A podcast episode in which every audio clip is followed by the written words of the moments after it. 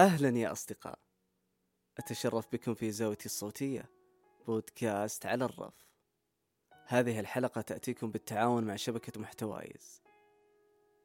وبما أنك من عشاق البودكاست محتوايز يقدمون لك النشرة البريدية الشهرية اللي تضم أكثر من 41 بودكاست في شتى المجالات. فيها مقالات رائعة وفيها حلقات مميزة. للاشتراك الرابط في وصف الحلقة.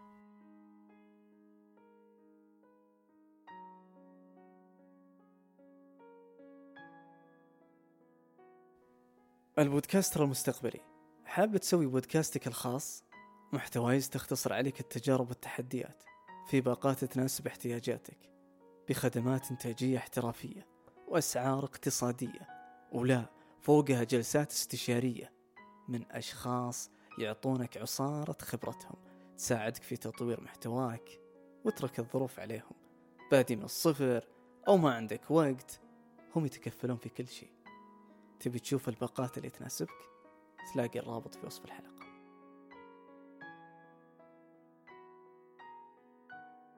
في عصرية من عصريات السنين الماضية مثل أي طفل كان ملازم الجدة كنت ملازم الجدي الله يرحمه. أجلس معه في كل أحواله وهو مع العائلة وهو مع الرجال وهو لوحده وشماغه على كتفه وبشعره الأبيض ولحيته اللي كساها الشيب كنت أشوفه يتناول الراديو ويتنقل بين الإذاعات. مرة إذاعة القرآن الكريم ومرة إذاعة الرياض ومرة إذاعة لندن. من هذيك اللحظة سكن في داخلي حب الإذاعة وهاجس تجربة المذيع. ولكن كيف؟ اندفن الهاجس وما حاولت أحفر عنه وأطلعه. لكني أتذكر كل ما سمعت صوت مذيع. لدرجة تتخيلني وصوتي يسمعونها الناس. تقول لي حاول أقدم على الخطوة. أقول لك شلون؟ وصعبة. وما في وسيلة. وواسطات. وأنا ما عندي إمكانيات وما هالأعذار اللي بيني وبينكم كانت منطقية. في 2017 طحت على بودكاست في SoundCloud. وأعجبتني الفكرة. لكن خفت أسويها حسيتها صعبة. وقبل 11 شهر من الآن قررت أسوي هالنافذة الصوتية اللطيفة. اللي عرفتني عليكم وحاب أسولف معكم في هالتجربة البسيطة بعمرها والكبيرة في تحدياتها بالنسبة لي وراح تختصر على غيري الكثير من المسافات. وأيقنت أن التجارب مكسبها في تناقلها لا بتعفنها في المخيلة. في السنوات الأخيرة انتقل المحتوى من القنوات الفضائية والإذاعات والصحف إلى الفضاء المفتوح عالم الإنترنت. وصار كل واحد بإمكانه امتلاك صحيفته وقناته التلفزيونية وإذاعته ولكن بشكل جديد ومتسارع بالنمو. ومرن بالعمل وحاضر للإبداع. ومن الطبيعي أنه يسبب مشاكل سواء نفسية أو فنية. تتعلق في المحتوى وانتشاره والتمكن من صناعته وربما يعيق التقدم أو يكون سبب في التوقف.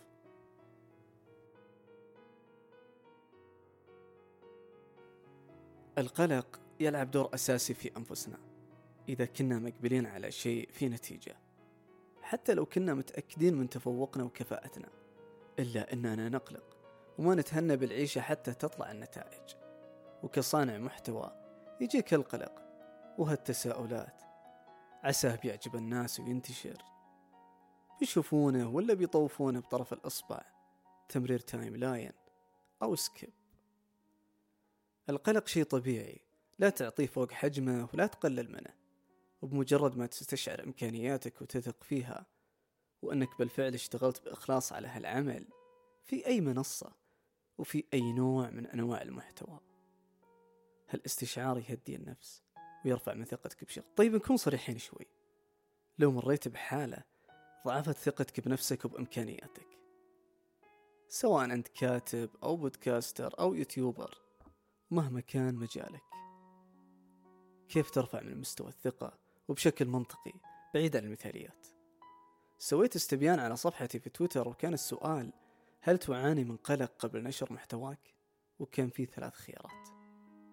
نعم تخطيت مرحلة القلق أحيانا. اللي اختاروا نعم واحد وخمسين بالمية. تخطيت مرحلة القلق أربعة عشر بالمية. أحيانا خمسة وثلاثين بالمية. شخصيا مريت فيها ونزلت الثقة لأدنى مستوياتها أثناء صناعتي الحلقات الماضية. وسويت اللي راح تسمعه سألت نفسي أسئلة وإجاباتها بنعم أو لا. وكنت صارم في الإجابة هل تنقصني إمكانيات ومهارات؟ هل أنا مقتنع بمحتواي وشغلي؟ هل الوقت مناسب للنشر والعمل؟ إذا جاوبت بنعم ننتقل لقناعة ثانية زرعتها بعقلي وهي لازم أفهم المحتوى له ناس تحبه وله ناس ما تحبه وطالما جاوبت على الأسئلة الباقي عند الناس واختياراتهم وميولهم ما نقدر نفرض أنفسنا ومحتوانا على أي أحد كان. وفي حال حبيت تتأكد ما يمنع تسأل أحد تعرفه وتثق برأيه ويكون منصف معك ولا يجاملك. وسويتها في كذا حلقة ما كنت مقتنع فيها. عرضتها على صديق ورفضها وغيرتها ونجحت الحمد لله. ولليوم عليها تفاعل.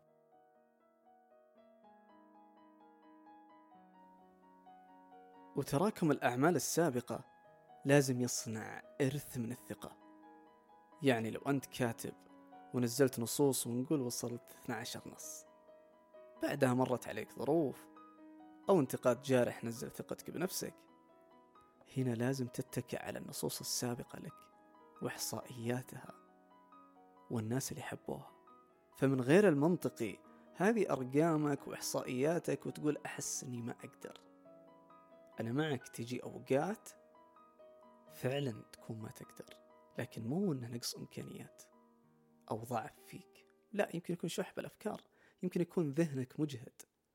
محتاج إنك تأخذ راحة تأخذ إجازة لكن مو معناته إنك ما عندك إمكانيات. طيب والتجارب السابقة؟ يعني جت كذا صدفت معك؟ سبع ثمان مرات اثنى عشر مرة كلها جت صدفة؟ نفكر بمنطقية شوي.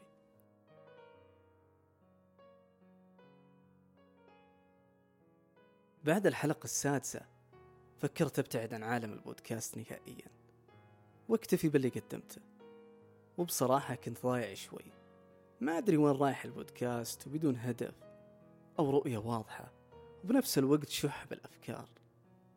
والأهم كل ما استشعرت الأشخاص اللي يسمعون البودكاست يزيد الهم. عندي إمكانيات لكن ماني عارف كيف أوظفها أو أطور من نفسي. تعبني الموضوع لدرجة قلت يا رجال قفل. استشرت صديق وأعطاني العلم اللي لا تقول بعده لا. قال لي خذ استراحة واطلع من جو صناعة البودكاست وبعدها قرر تستمر أو تقفل. وبالفعل هذا اللي حصل وقفت شوي. بعد كم يوم كلموني شبكة محتوايز قالوا حابين نتعاون معك كصانع محتوى مستقل. وما أخفيكم فرحت. لكن الفرحة ذي ما طولت. رجع لي الهاجس القديم اللي متعبني. لا أفكار ولا إبداع وما أدري وين رايح.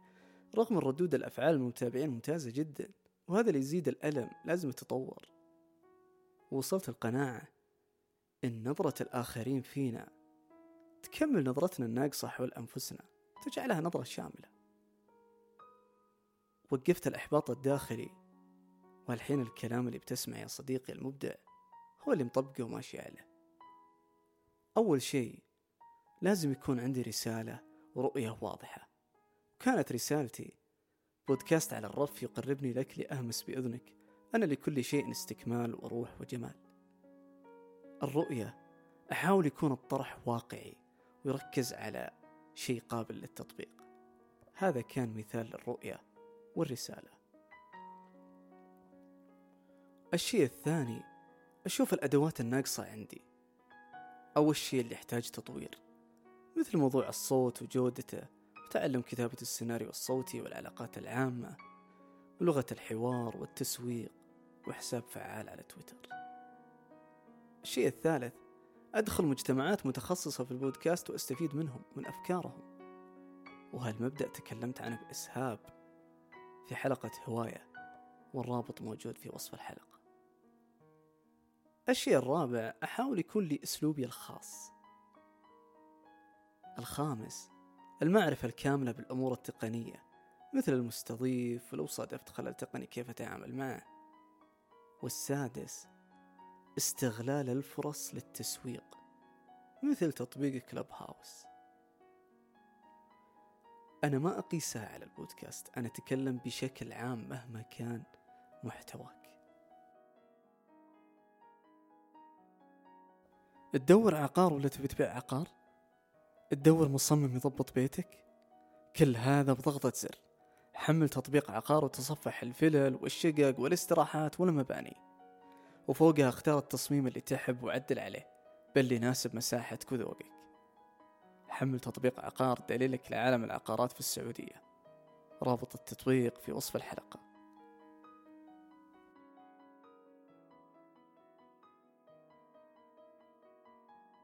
الاستمرارية هي الإبداع والتفوق وهي الوصول. هي الثقة بينك وبين المتابع. لو تعود منك كل شهر حلقة أو نص أو فيديو راح يبقى ينتظرك بتلهف لكن لو ما عندك وقت معين تنزل فيه أو مزاجي هنا ما راح يبقى لأنه ببساطة بينساك. ومن أكثر الأشياء اللي تعيق الاستمرارية هي عدد المتابعين أو المشاهدات أو الاستماعات. وكل ما كانت قليلة كل ما ارتفع الإحباط. وهذا أمر منطقي. إلا لو واحد يقول ما يهمني عدد متابعين أو مشاهدات. وهذا بصراحة من المثاليات. طيب والحل؟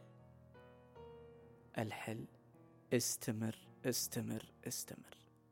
وسوق لمحتواك سواء بشكل مجاني أو بشكل مدفوع عن طريق الترويج أو مؤثرين. وهذا يوصلك بشكل أسرع. وأهم شيء كل فترة لابد من الصراحة مع النفس وتقييم الشغل بالكامل. وعرضه على أحد يفهم فيه والانتقاد يطورنا للأفضل دائما. لا تفهمني غلط. المحتوى كثير وصناع المحتوى أكثر. وهذا لو فكرت فيه بالظاهر بشكل سطحي في إحباط يمكن يصنع فكرة المنافسة. لكن لكن المبدع بيفرض نفسه ولا ينافس أحد. لاحظ قلت المبدع اللي يستخدم ذكائه ويحاول يجذب جمهوره ويكون فيه شيء من روحه بشغله ولا يكون مكرر يشبه الكثيرين ولا يكون محتواه معلب جاهز من جوجل. لا يتعب عليه ويكتبه ويجمع أفكار سواء كان محتواه مقروء أو صوتي أو مرئي مهما كان محتواك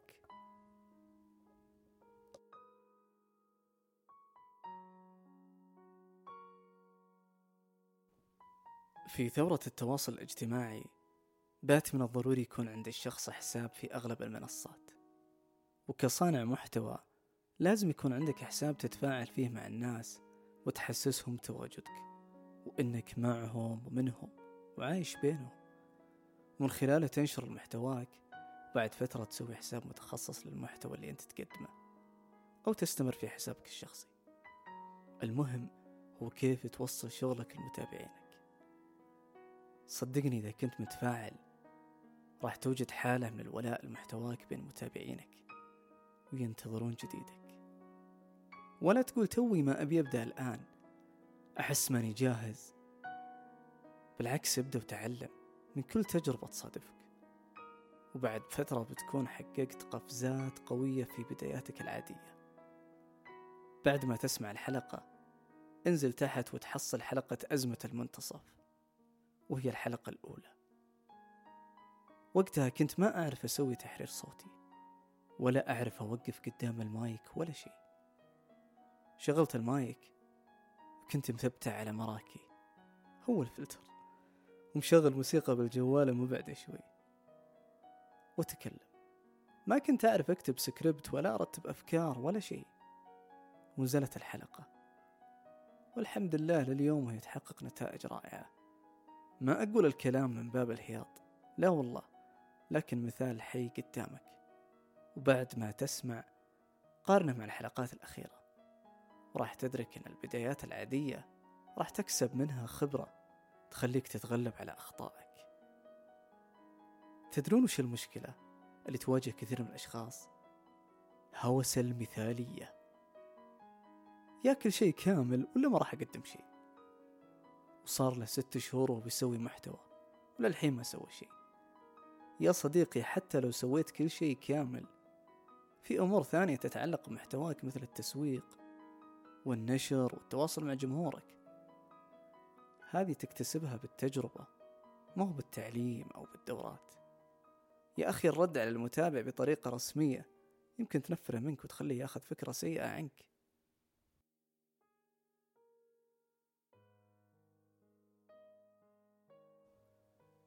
ومن الأشياء اللي تخلينا دايم متطورين وخلاقين هو أن نشوف شغل غيرنا ومحتوى غيرنا. هذا ينعكس علينا ويكون عندنا مخيلة عالية لأنك أنت يمكن تلاحظ عنده نقص في مجال معين وأنت بتحاكي فكرته لكنك تطور عليها وتبتكر فكرة جديدة والتعليم المستمر. الآن عندك اليوتيوب ما يقصر معك في أي مجال كان. جوجل في أي مجال كان يطورك؟ يعني مثلا من الأشياء اللي تساعد أي صانع محتوى جميل إنه يكون يفهم الكتابة الإبداعية. في منصة اسمها منصة تكوين للكتابة الإبداعية. رابطها راح يكون في وصف الحلقة. أمانة هذه فرقت معي كثير. المنصة هذه فيها تدريبات وفيها طرق وفيها توصيات من عمالقة الكتاب في العالم. وكذلك جميل أن الواحد يبحث عن نواقصه الفنية. والله مثلا عندي مشكلة بالخيال. أتدرب على الخيال. عندي مشكلة مثلا خلينا نقول في آه، إذا كان محتواك مرئي بالإضاءة أنا عندي مشكلة بالإضاءة أتعلم. اليوتيوب عالم عالم عالم وبحر لا ينتهي من الدورات والتطوير. لكن يعاب عليها مو عيب قد ما هو يعني ما أدري كيف أوصله لكنه بالإنجليزي الأغلب بالإنجليزي. حتى أني لاحظت فيه دورات موجودة الآن بالعربي بفلوس وعسى الله يربح المدربين موجود نفسها لكنها بالمحتوى الإنجليزي موجودة مجانية باليوتيوب. كل واحد وبحده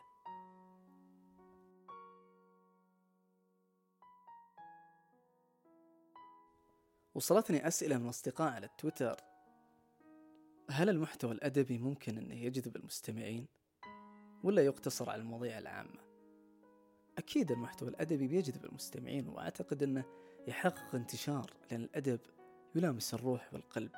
لكن جميل أنه يطرح في أسلوب عفوي وسلس وبعيد عن الأكاديمية.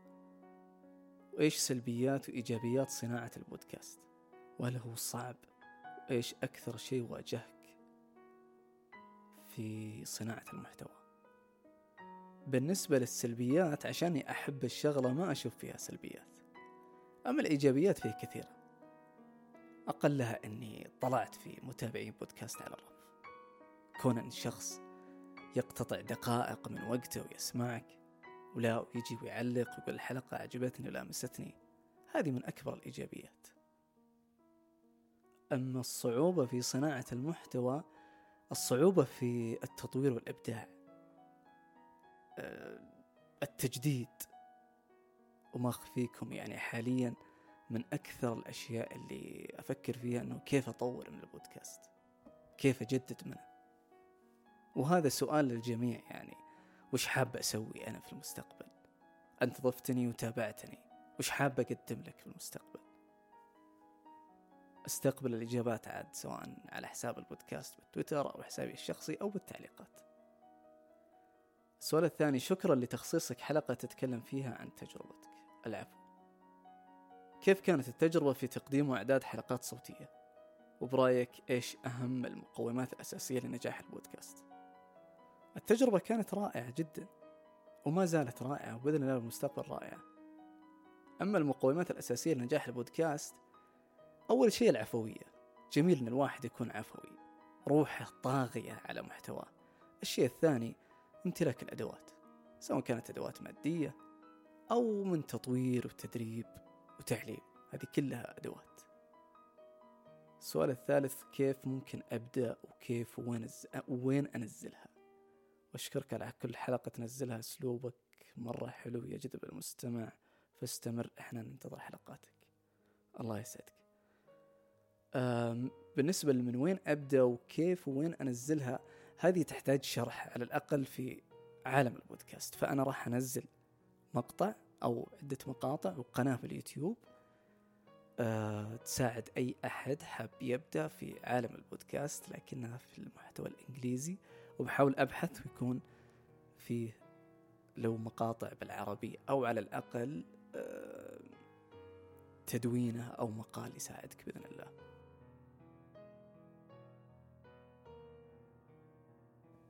قبل نقفل في كذا كلام بخاطري لصناع المحتوى. أنتم رائعين ومبدعين وخلاقين. تخيل معي. بالك فكرة معينة قررت تنفذها على أرض الواقع سواء كان نص ولا حلقة بودكاست ولا صورة بالك أنت فنان مصور أو رسمة أو مقطع فيديو أو أي إبداع كان. أنت مستوعب أنها كانت فكرة ببالك؟ وصملت وقررت أنك تنفذها وكتبتها على ورق وبلورتها ونقحتها وحضرت وانتشرت. صار محتوى بين الناس.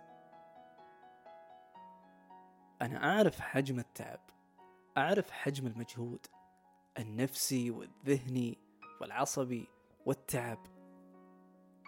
لكن كل هذا مخلوف لأنك ببساطة ساهمت في بناء وإثراء المحتوى السعودي والعربي. ودائما نسمع لا تجعلوا من الحمقى مشاهير.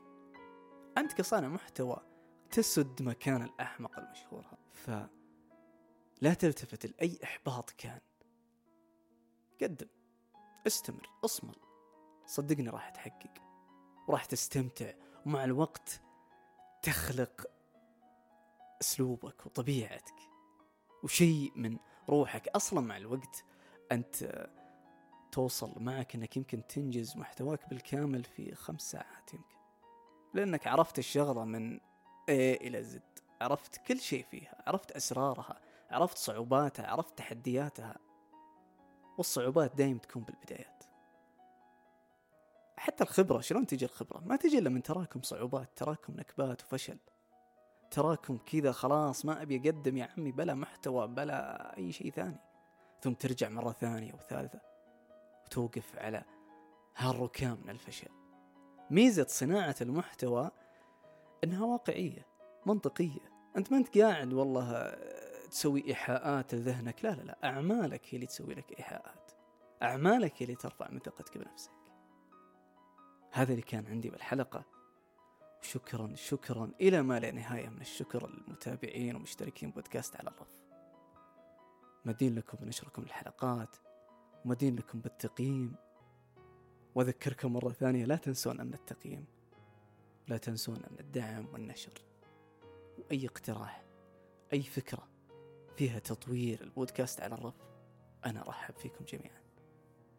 يومكم طيب وليلتكم سعيدة.